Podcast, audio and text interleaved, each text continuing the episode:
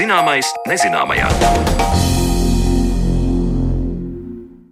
Esiet sveicināti raidījumā Zināmais nezināmajā. Ar jums kopā turpmāko stundu būšu es Sandra Kropa, un šodien mēs runāsim par pļavām un to, kas palīdz tās uzturēt kārtībā. Pļava vairs nav pļava ar trēdeviņām zālēm, ja tajā neganās govis. Intensīva industriālā lopkopība, zālāju pamašana novārtā - šie ir tikai daži no faktoriem, kas mazinājuši dabisko pļavu izplatību Latvijā. Lai šis biotops neizzustu pavisam, Latvijas dabas fonds jau vairākus gadus talkā sauc govju ganāmpulku, kas dažādās Latvijas vietās vietās nogana pļavas.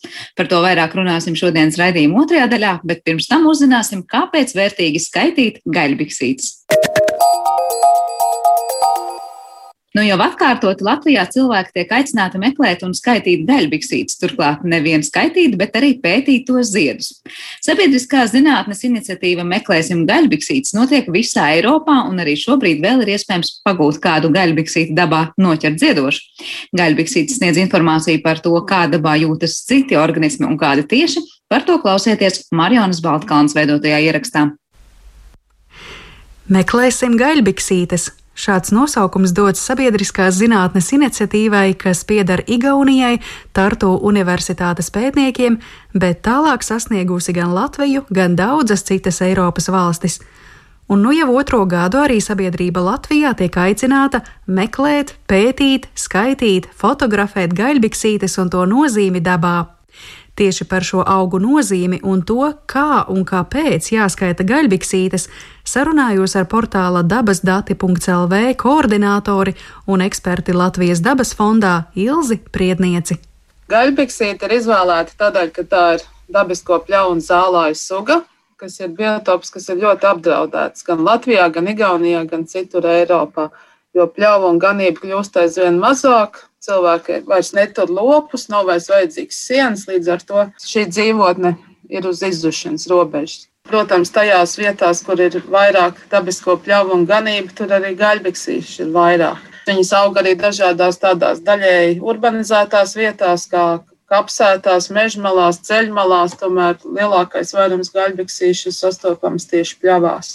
Pagājušā gadsimta sākumā apmēram trešā daļa Latvijas bija pļavas, tad tagad tie vairs ir tikai kādi 0,3-0,7%. Varētu teikt, ka simts reizes ir samazinājusies pļauju platība.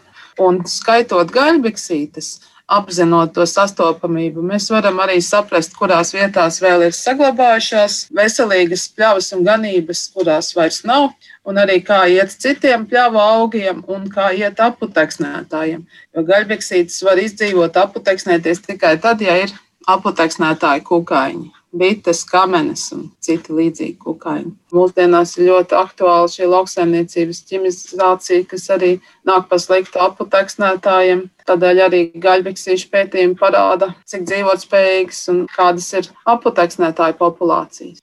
Tad es saprotu, ka tā tradīcija ir sākusies Igaunijā, un Igauni tā kā to ir apzināti izplatījuši tālāk uz Latviju un varbūt vēl kaut kur, vai tas ir tā nejauši pārņemta tradīcija? Igaunija jau uzsāka šo akciju 2019. gadā, tad skaitīja vēl tikai Igaunija. Pēc tam pētniekiem radās doma, ka varētu paplašināt pētījumu, lai savāktu vairāk datus arī par citām Eiropas valstīm. Latvija iesaistījās jau pagājušajā gadā.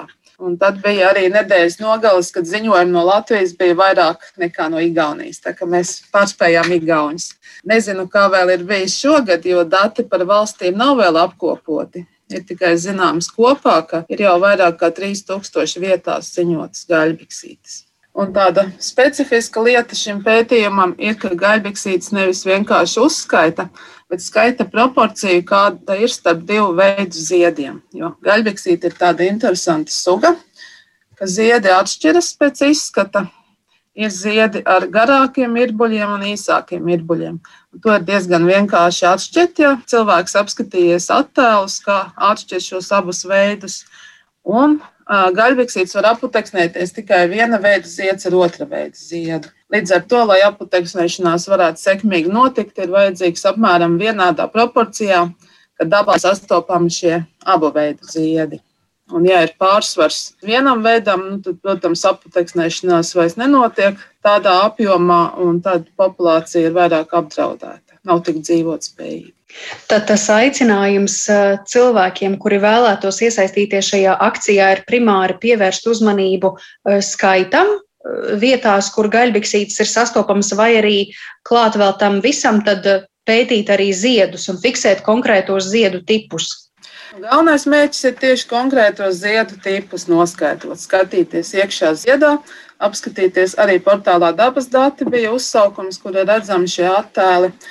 Jo nu jā, izskaidrot visas gaļbeksītes tādās pļavās, kur viņas ir daudz, nemaz īsti nav iespējams. Un Tādēļ tika aicināts skatīties vismaz simts ziedus un apskatīties, kāda ir šī proporcija starp vienu un otru ziedu veidu. Vienkārši vienā vietā, kur ir šī gaļbiksīša audze, vai nu tā ir liela vai maza, tur arī visām skatās, vai šīm simts. Ja ir mazāk kā simts ziedojušas gaļbiksītes, tad, protams, saskaita tās, kuras ir ja ir vairāk, nu tad nav jēgas skaitīt vairāk kā simts. Mm -hmm. Tad simts būtu tas atskaites punkts. Jā. Mm -hmm. Lai būtu pietiekami dati tālāk matemātiskai apstrādē, tad nepietiek, ja dažus tikai saskaita ziedus apskatās, bet nu vajadzētu to simtu. Mm -hmm. Apmēram. Un jāuzsver, ka vienam augam jau visi tie veidi ir vienādi. Tas ir ģenētiski noteikts, vai tas ir viens vai otrs zieda tips. Tā kā vienam augam, vienam gaļbiksīšu ceram ir jāskatīties vienā ziedā. Ielūkojoties portālā dabasdati.lv un apskatot gaļbiksīšu ziedu fotogrāfijas, labi redzamas atšķirības abos ziedu tipos, kurus dēvē par S tipu un L tipu. S tipa ziedā redzamas putekšņa lapas, bet L tipa ziedā vidū redzams vienirbulītis. Šie ziedu tipi savstarpēji apmainās ziedputekšņiem ar kukaiņu palīdzību, tādējādi tiek veicināta ģenētiskā materiāla apmaiņa un ģenētiskā daudzveidība tikai ar viena tipa ziediem sēklu izveidosies maz.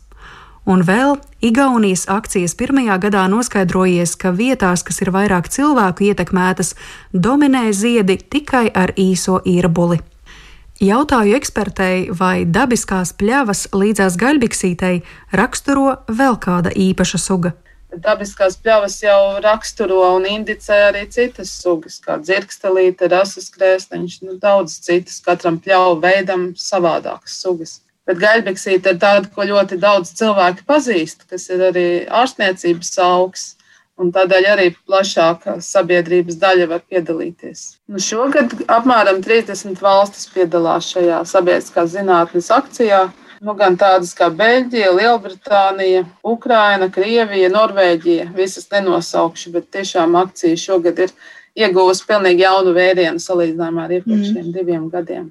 Ilzi, jūs pieminējāt šo te vārdu salikumu sabiedriskā zinātne. Varat uh, pateikt, ko tas īsti nozīmē, kas tas ir? Um, pētījumi, kur iesaistās plaša daļa sabiedrības, kas nav profesionāli biologi, uh, kuriem vaļasprieks ir dabas vērošana un šādi var ievākt lielu apjomu datu. Latvijā sabiedriskā zinātnes pazīstamākā vietne ir dabas dati LV, ko izveidoja Latvijas dabas fonds sadarbībā ar Latvijas ornitoloģijas biedrību.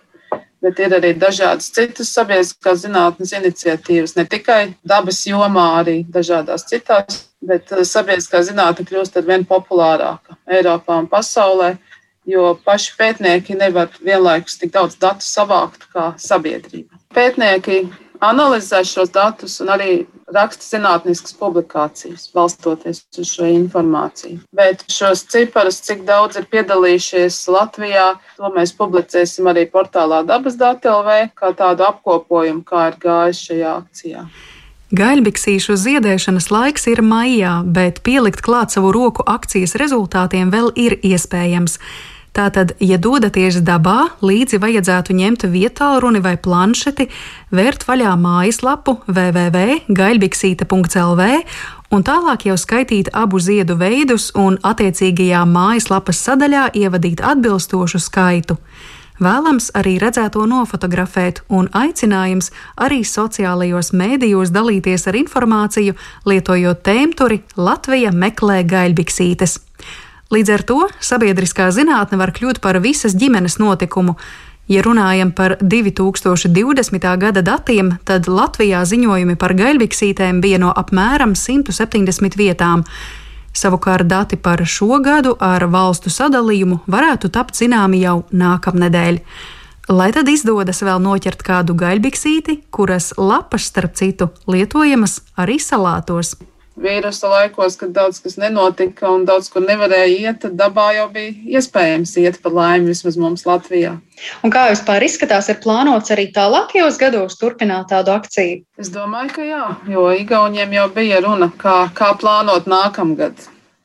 Par iespēju iesaistīties gaļbiksīšu skaitīšanas akcijā manai kolēģei Marionai Baltkalnei stāstīja portāla dabas dati LV koordinātori un eksperte Latvijas dabas fondā Ilza Priedniece. Bet redzījuma turpinājumā pievēršamies darbiem, ko Latvijas dabiskajos zālājos veids īpašs ganāmpulks.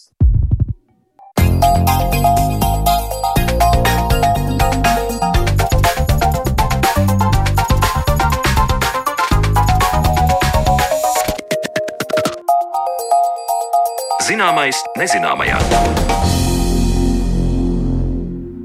Ja ainava ar brūneļu Latvijas pļavās bija bieži sastopama vēl 30 gadu senā pagātnē, tad mūsdienās tas ir tik reti manāms, ka biotopu ekspertiem nākas saukt kā īpašus strādniekus. Jau ceturto gadu darbu sezonu atsācis mobilais ganāmpulks, kuram uzticēts visai Latvijas dabai svarīgs uzdevums ganīties dabiskajos zālājos, kuri bez viņu klātbūtnes izzustu daudz straujāk.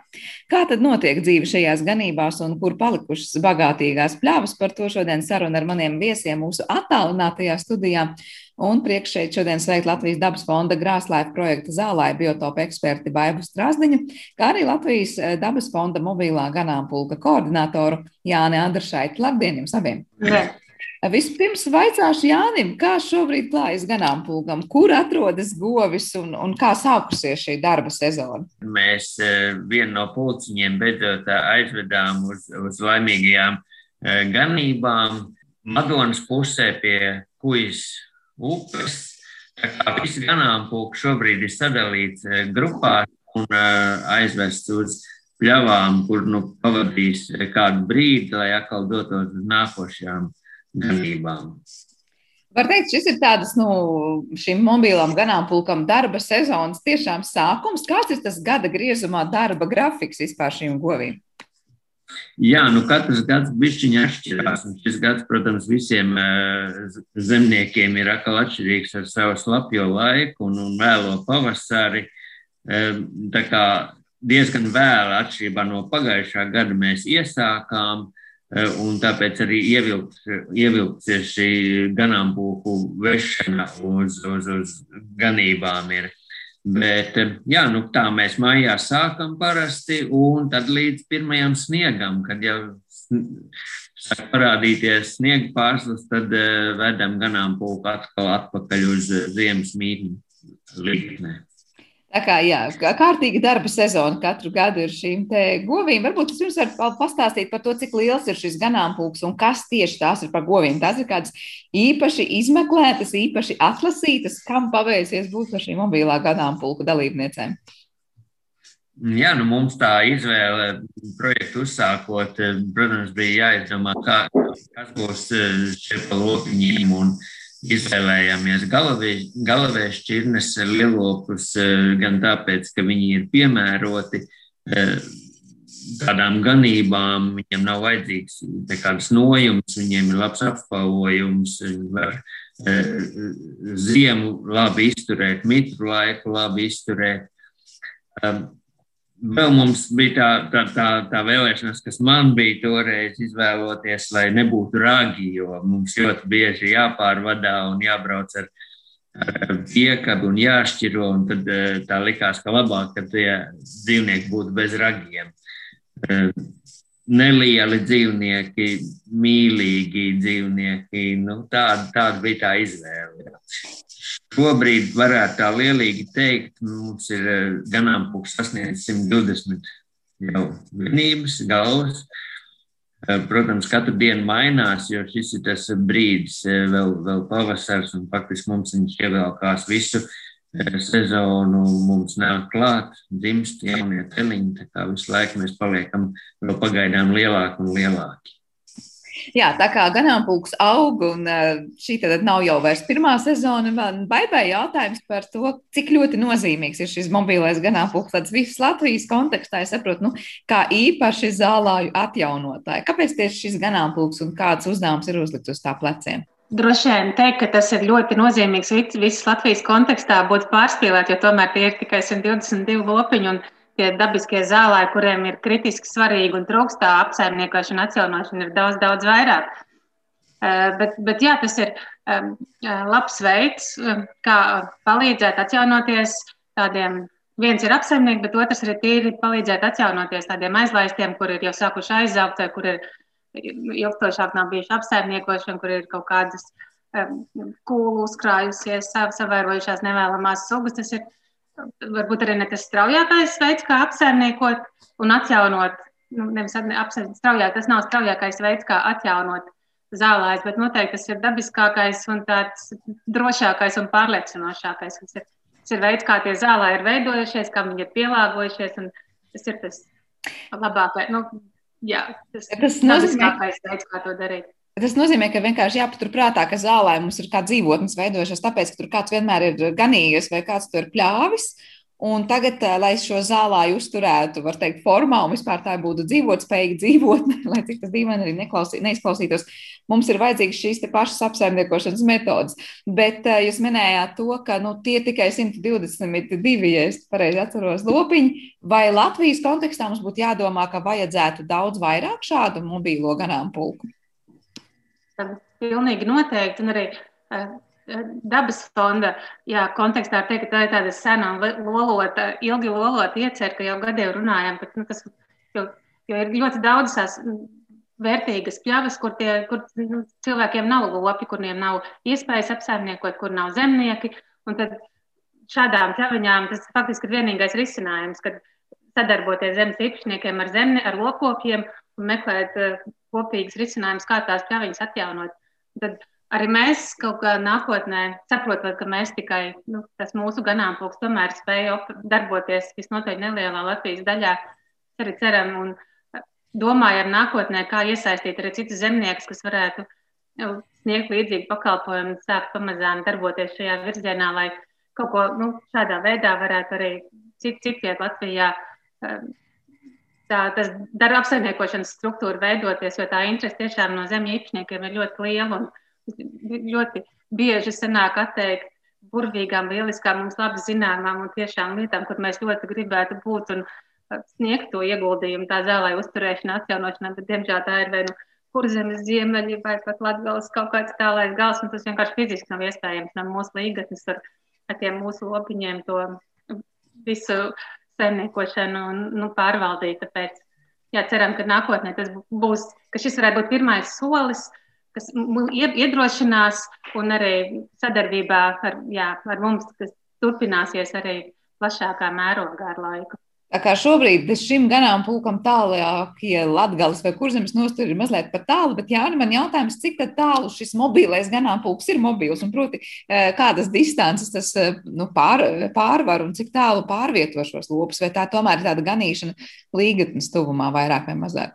Nē, nu šo, eh, jā, pašlaik ir sanācis tā, ka patiešām mums eh, lielākā daļa ganību ir tuvu līgatnei. Pašlaik mēs Gaujas Nacionālā parkā pie Siguldas.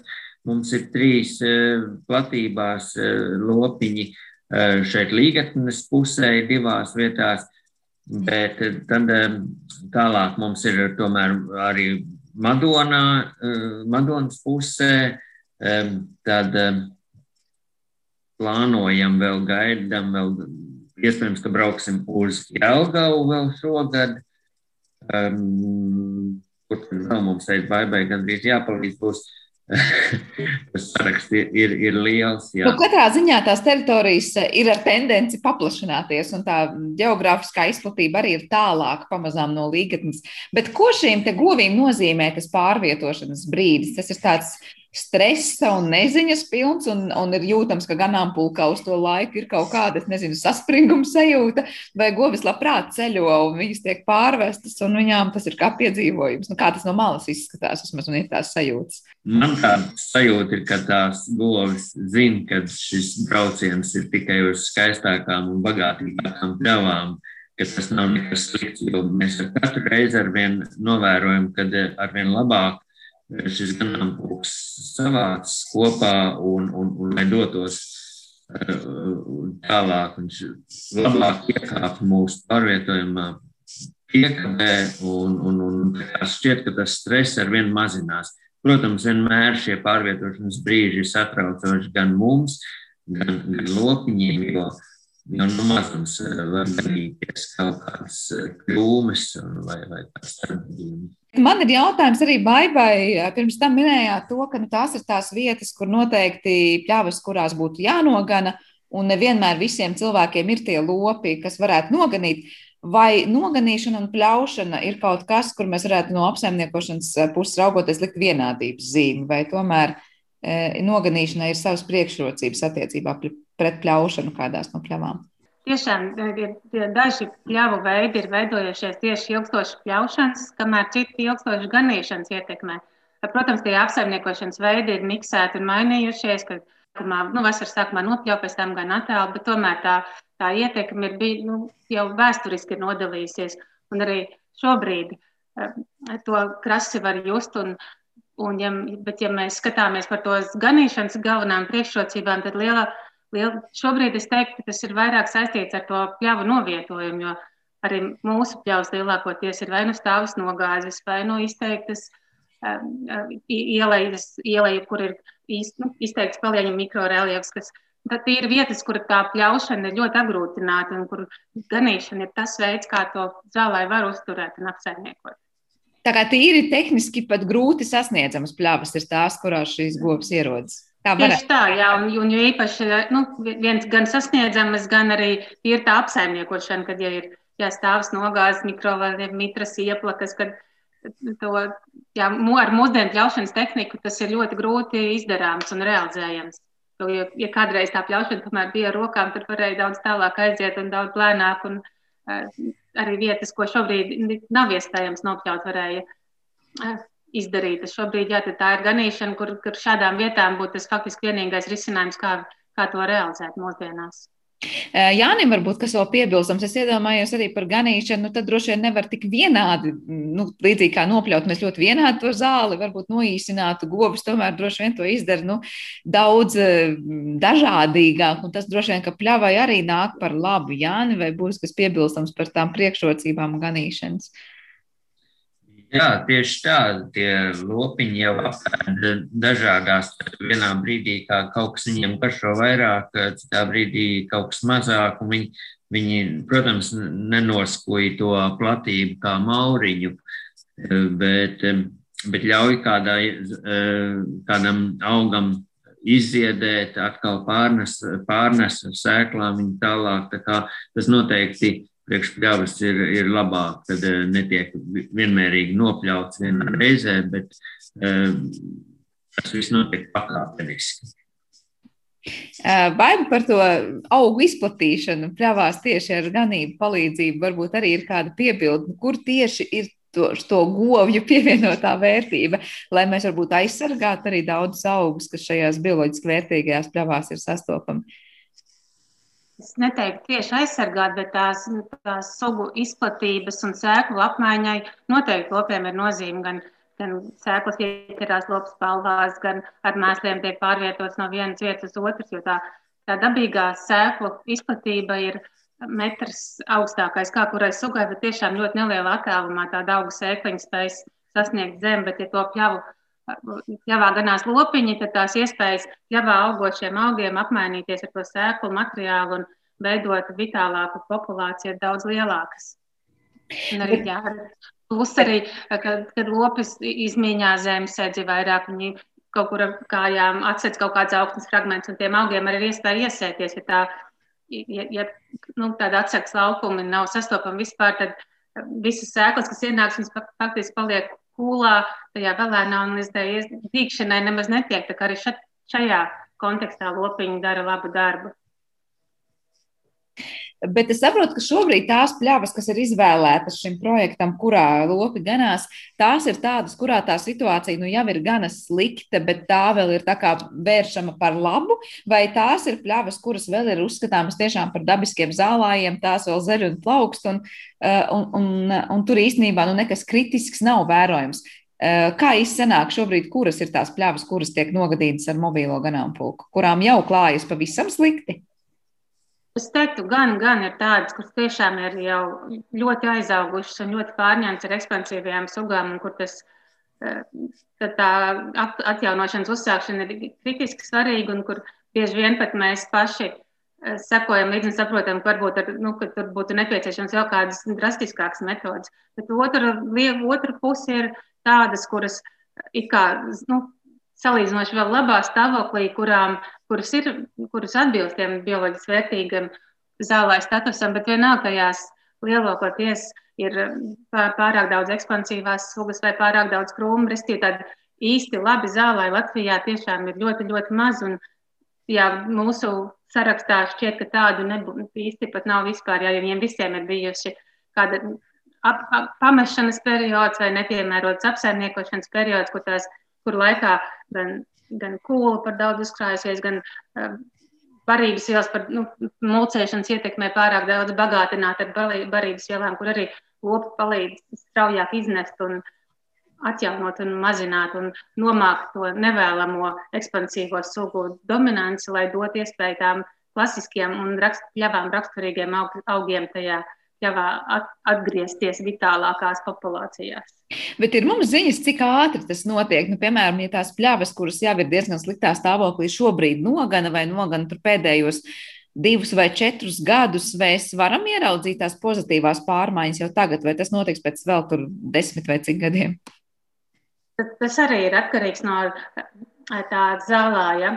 sākotnējā tā stāvokļa. Ja tā pamešana vai neapsaimniekošana, nepiemērota apsaimniekošana ir bijusi salīdzinoši īsu laiku, un tas, tas sākotnējais stāvoklis ir bijis sugām bagāts un izcils, tad pirmos uzlabojumus jau var šobrīd just. Ir vietas, kur tiešām smuki var redzēt jau gan, jā, kad tā pēc otrā gada jau, ja tā pļāva izskatās pavisam citādāk, ka viņā ir, jā, vairāk ziedošie augi tiek līdz ziedēšanai, krūmu apakšs ir izteikti izēstas un caurskatāmas, mežmāls ir paplašināts. Savukārt citur ir, kur jāatskaidrs, ka tur būs nepieci, būtu nepieciešama desmit gadu ganīšanas, lai atjaunotos. Jo tas arī lielā mērā ir atkarīgs no tā, kas, ir še, kas šo zālā ietver. Ja tas ir izolēts zālājs, kur, kur citas sugas, eh, kur nav apkārt citi bioloģiski vērtīgie zālāji, no kurām sugām papildus ienāk, tad tas temps ir daudz lēnāks. Savukārt, ja viņš ir sugām piesātnētā ainavā, tad jau ar īslaicīgu ganīšanu faktiski var iegūt jau labus rezultātus. Dodot iespēju tām blakus sēklām, augošām sēklām iesēties arī tajā vietā, kas tad ir šobrīd, kur, kur lopi ganās un palīdz tam sugu sastāvam atjaunoties. Bet kā tad sanāk, Jāni, piemēram, šie lopi atgriežas katru gadu arī vienās un tajās pašās pļavās, vai govīm eh, katra sezona ir pilnīgi jaunatklājums?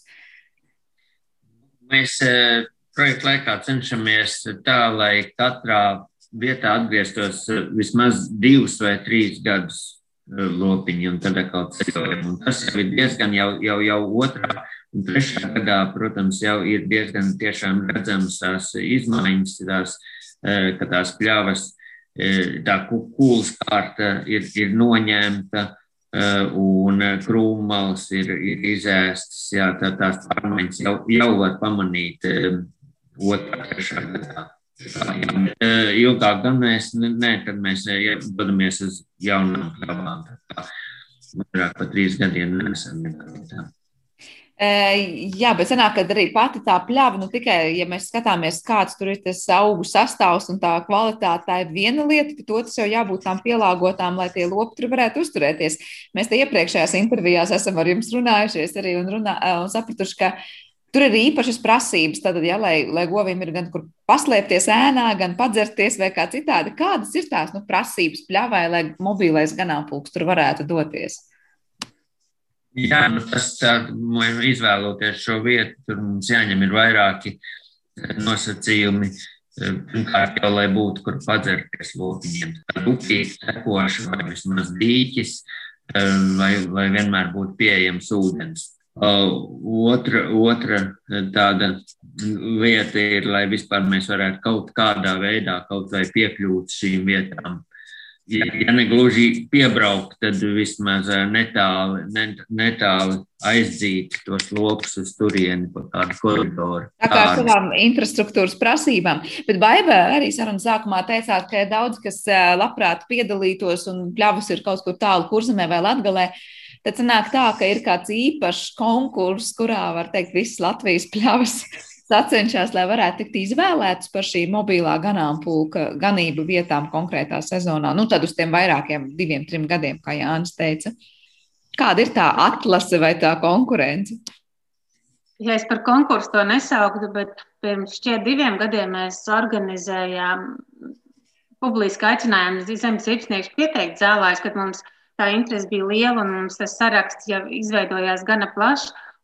Turpmākos gadus arī nu, padzirdot, es pieņēmu gan, gan jūsu rādio, gan citviet zem īpašnieki, saņem šo ziņu, ka šāds pakalpojums kaut kur eksistē un arī mūs uzmeklē un piedāvā savus zālājus. Un, un tad, bet pamatā tā izvēle ir, jā, mēs um, skatāmies, lai lopiņi nebūtu pārāk tālu jāved, lai katram, ja mums tas ganāmpulks ir sadalīts apmēram desmit lopu vienībās, un tad mēģinām piemeklēt zālājus, kur lai katra tā vietiņa nav jā, jāved pa pusi Latviju. Tas ir, lai mēs esam reģionā, tad, lai tur ir trīs, četras salīdzinoši netālas pļavas, ko sezonas laikā secīgi varētu noganīt. Un tas tā otra pamat eh, faktiski galvenais pamat kritērijs ir tas, ka eh, visa šī uzsākšanai mēs eh, ieguvām iespēju piesaistīt live programmas finansējumu. Un tās nosacījumi ir, kamēr mēs pirmos gadus, kamēr mēs uzsākam, tas ir vēl šogad un nākamgad, uh, mēs varam darboties īpaši aizsargājumās dabas teritorijās. Un tas arī faktiski ir tas pirmais sirds, kas nosaka, kur mēs darbojamies un kur nē. Jā, tas pirmais būtu tā aizsargājumā dabas teritorija, otrs vai viņš atbilst vai neatbilst īpaši aizsargājumiem zālē biotopiem vai vismaz ir ar izteiktu potenciālu par tādu kļūt. Un tad trešais, jā, tā lokācija attālums no līgatnes un attālums no tām katras grupiņas ganību grafika, ja tā var teikt, sezonas laikā. Bet vai kaut kādas līdzīgas aktivitātes ir arī citās valstīs, un šī praksa ir tāda izplatīta arī citvietā Eiropā, vai tas ir kaut kas Latvijai unikāls, nu, likt lietā šādu mobīlo ganāmpulku šo biotopu apsaimniekošanai? Nu, tāda īsta piemēra, kas eh, līdzīgi darbotos tieši kā mēs, īsti nav. Ir izņēmums varētu būt Slovākija, šķiet, ka vai Slovenijā piemirsa, kur eh, arī viena nevalstiskā organizācija darbojās atsevišķā reģionā šādā veidā.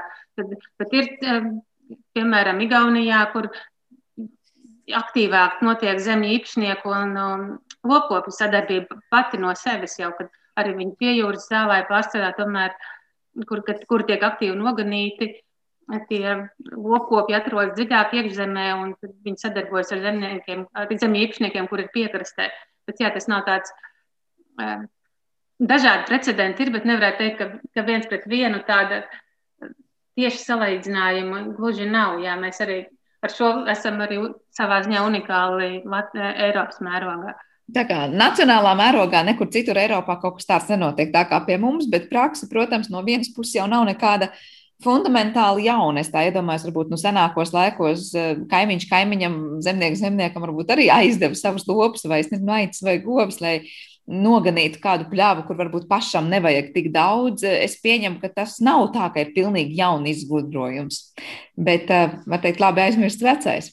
Nu, tieši tā, un arī mūsu tā projekta tāds blakus efekts, ja var teikt, ka arī apkopojot šo informāciju, kur tad ir tie zemju īpašnieki, kur ir, un zinot atsevišķus lokopus, mums arī ir izdevies savest netieši tas tāds projekta blakus produkts, savest kaimiņus kopā un nu, netālu esošas lokopus ar zemniekiem, kad, ja mēs saprotam, ka mēs tur nevaram, bet zinām, ka tur ir kāds kaimiņš, kurš varētu līdzīgi sadarboties, ka ir daži, bet tiešām ļoti patīkami precedenti, kad, jā, kad iedvesmojoties no mūsu darbības arī zemnieki paši ir sākuši sadarboties labāk ar kaimiņiem.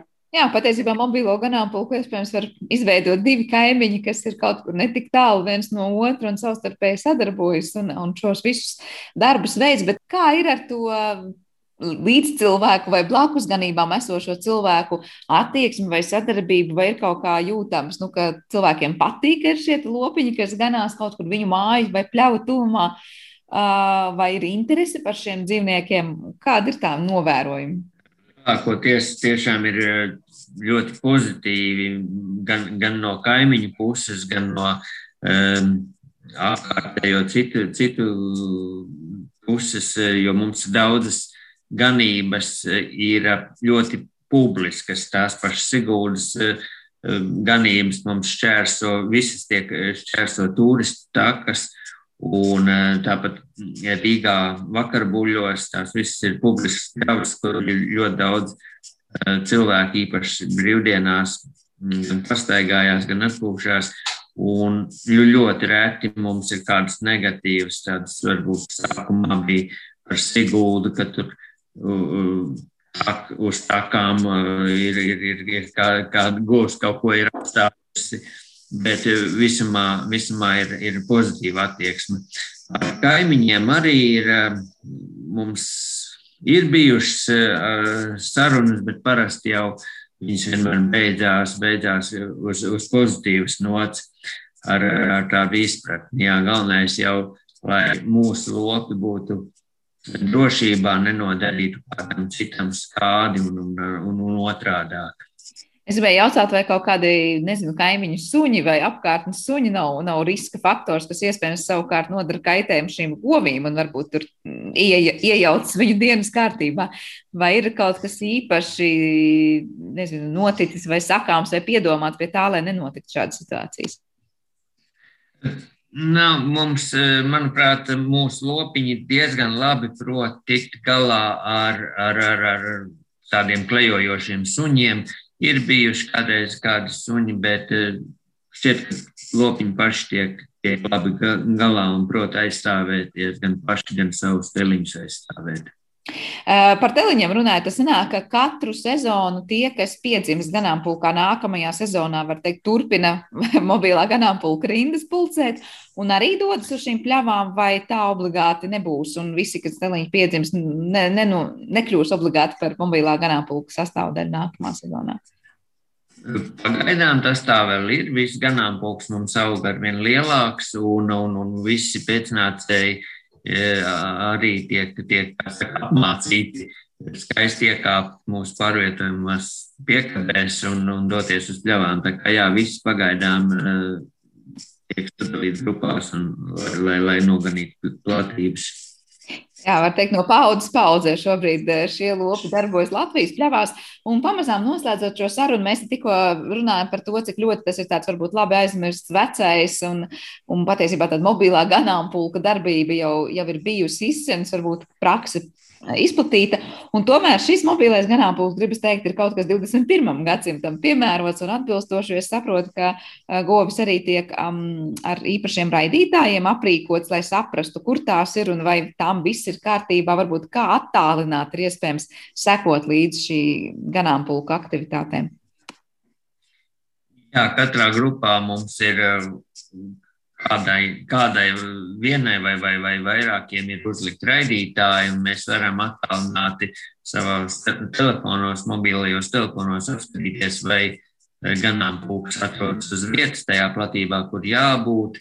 Uh, iespējams, ir arī uzstādīt tādu kā aploka kontūru, un, ja gadījumā uh, loks ir izgājis ārā, tad tiek dota informācija mēs redzam uh, lopa temperatūru, ja tad būtu kaut kas, jau būtu kaut kas slikts noticis, mēs to redzētu. Bet nu, tas attiec tikai uz to lopiņu, kuram ir uzlikta, uzlikt šis raidītājs. Mēs nevaram visiem lopiņiem uzlikt šādus raidītājus. Bet uh, palīdzība ar šādiem raidītājiem ir liela, ja mēs tomēr varam ikdienā sekot, jo, jo klāt mēs visiem nevaram būt visu laiku. Jā, bet nu, vismaz, kā saka, daļai un, un dažiem no, no šī bara, tad, protams, kaut kādu informāciju ir iespējams iegūt. Paldies! Nu, Baibai noslēdzošais vārds par to, eh, vai un cik lielas cerības tālāk šogad tiek liktas uz šo mobīlo ganāmpulku. Un uh, var teikt, tas ir tāds ilgtermiņā veids, kā apsaimniekot šīs dabiskās pļavas, vai tas ir kā tāds pagaidu risinājums, es nezinu, aicinājums cilvēkiem, kuriem ir lopi, varbūt padomāt par savām apsaimniekošanas iespējām šajos zālājos. Kādas ir tās tālākās nākotnes perspektīvas, runājot gan par šo ganāmpulku, gan Latvijas dabiskajām pļavām? Es teiktu, gan, gan tas ir gan mudinājums. Daļa no tiem zemniekiem un zemju īpašniekiem, pie kuriem mēs esam bijuši, un vairs ne, ne, nespējam turpināt šo um, rodu iespējas uzturēt tās platības, ko mēs esam iesākuši ganīt. Savukārt, um, citas mēs turpinām ganīt arī augstošāk, un arī paši ceram, ka, jā, ka šis ir tikai sākums, un kad mēs ar laiku radīsim risinājumu, lai tas būtu ilgtermiņā iespējams un pastāvētu un spētu nodrošināt vismaz vidzemes apkārtnes e, zālāju uzturēšanu arī turpmāk. Un tad līdz vienlaikus ceram, ka, atra, jā, ka tuvākos gadus radīsim iespēju sadarboties ar lopkopiem citos Latvijas reģionos, kur varētu uzsākt ko līdzīgu un palīdzēt um, citu reģionu vērtīgo zālāju atjaunošanu un uzturēšanu. Tā kā šobrīd uz šīm konkrētajām govīm ir tādi divi lieli uzdevumi - gan atjaunot šīs konkrētās dzīvotnes, gan arī iedvesmot citus rīkoties līdzīgi. Nu, ko teikšu jums lielu paldies par šo sarunu un lai veiksmīga sezona mobiliem ganāmpulkam. Latvijas dabas fonda Grāslaifa projekta zālāju biotopa eksperta Baiba Strasdiņa, kā arī Latvijas dabas fonda mobilā ganāmpulka koordinators Jānis Andrušēts šodien viesojās mūsu attālinātajā studijā. Un par šo raidījumu teikšu paldies arī raidījuma producentei Paulai Gulbinskai un mūzikas redaktoram Girtam Bišam. Ar jums kopā šo stundu bija es Sandra Kropa, un mēs tiekamies jau atkal rīt. Visu labu!